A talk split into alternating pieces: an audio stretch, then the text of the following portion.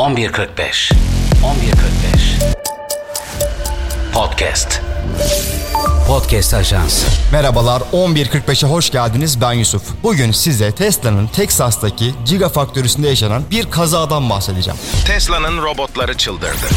It happened on the floor of the Tesla factory in Austin, Texas, that according to an injury report submitted to federal officials and health authorities. While the attack actually happened two years ago, the outlandish incident has just now come to light. The robot reportedly attacked and just really acted out on a violent streak after the engineer disabled other robots and inadvertently left it on. All right, in more news across Texas, a Tesla engineer was reportedly attacked by a robot at a factory near Austin. A 2021 injury report claims the robot, which was designed to move car parts, dug its metal claws into the engineer's back and arm, leaving a quote, trail of blood. That's according to witnesses. Bildiğiniz gibi otomasyon sistemleri ve bu sistemlere entegre yapay zeka yazılımları gün be gün iş hayatında verimliliği artırmak için kullanılıyor. Otomasyon ve yapay zeka deyince akla tabii ki de Elon Musk ve Tesla geliyor. Elon Musk 2020'de Amerika'da, Texas'ta 1 milyon metrekarelik bir alana bir fabrika inşa ediyor. Tesla'nın bu fabrikası Amerika'nın ikinci en büyük fabrikası. Bu tesiste yaklaşık 20 bin çalışan var ve bu sayının üretim arttıkça sürekli artacağı düşünülüyor. Bu tarz teknoloji şirketlerinde irili ufaklı insan gücünün kullanılacağı yerlerde robotlar ve otomasyon sistemleri kullanılıyor. Tesla'nın bu fabrikasında durum aynı fakat Daily Mail'in bir haberine göre buradaki robotlar biraz tehlike oluşturmaya başlamış. Tesla'nın Texas'taki fabrikasında bir mühendis yeni dökülmüş araba parçalarını kavramak ve taşımak için tasarlanmış bir robot tarafından saldırıya uğruyor. Mühendis iki Tesla robotunun yazılımlarını programlarken bir robot mühendisi önce düşürüyor sonrasında pençelerini önce sırtına sonra kollarına geçiriyor. Olay Texas'ın Travis bölgesinde 2021 yılına ait bir yaralanma raporunda ortaya çıkıyor.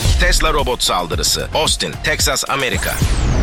Rapora göre robot tarafından saldırıya uğrayan mühendis yaralı olarak kurtuluyor. Görgü tanıklarına göre acil kapatma butonuyla kapatılan robot saldırısı esnasında ortalığı kan revan içinde bırakmış. Tesla'nın konuyla ilgili verdiği rapor ilginç. Raporda mühendisin işten izin almasına gerek olmadığı ifadeleri yer alıyor. Tesla bu şekilde mühendisin aslında ağır yaralanmadığını iddia ediyor. 2021-2022 yıllarında başka bir rapor yok bu şekilde. Fakat uzmanlar Tesla'daki otomasyon sistemlerinin insan sağlığını tehdit ettiğini iddia ediyor artık. Sözleşmeli işçileri temsil eden bir avukat Tesla'nın raporları eksik raporladığını iddia ediyor. Avukata göre Antelmo Ramirez adlı bir inşaat işçisinin öldüğü Tesla raporlarında gizlenmiş. Ramirez fabrikanın inşası sırasında sıcak çarpması yüzünden ölüyor. Avukat Tesla'nın vergi avantajlarını sürdürebilmek için yetkililere göndermek zorunda olduğu raporları yetkililerin şüpheyle değerlendirmeleri gerektiğini söylüyor. Bunun gibi daha fazla olay var mı henüz bilmiyoruz. Tesla'nın robot saldırısını 2 yıl gizlemesi de tepkilere neden oluyor. Böyle olunca da Tesla'nın bu tarz olayları gizlediği kuşkusu artıyor. Medyada bu haber ilk kan döküldü şeklinde veriliyor.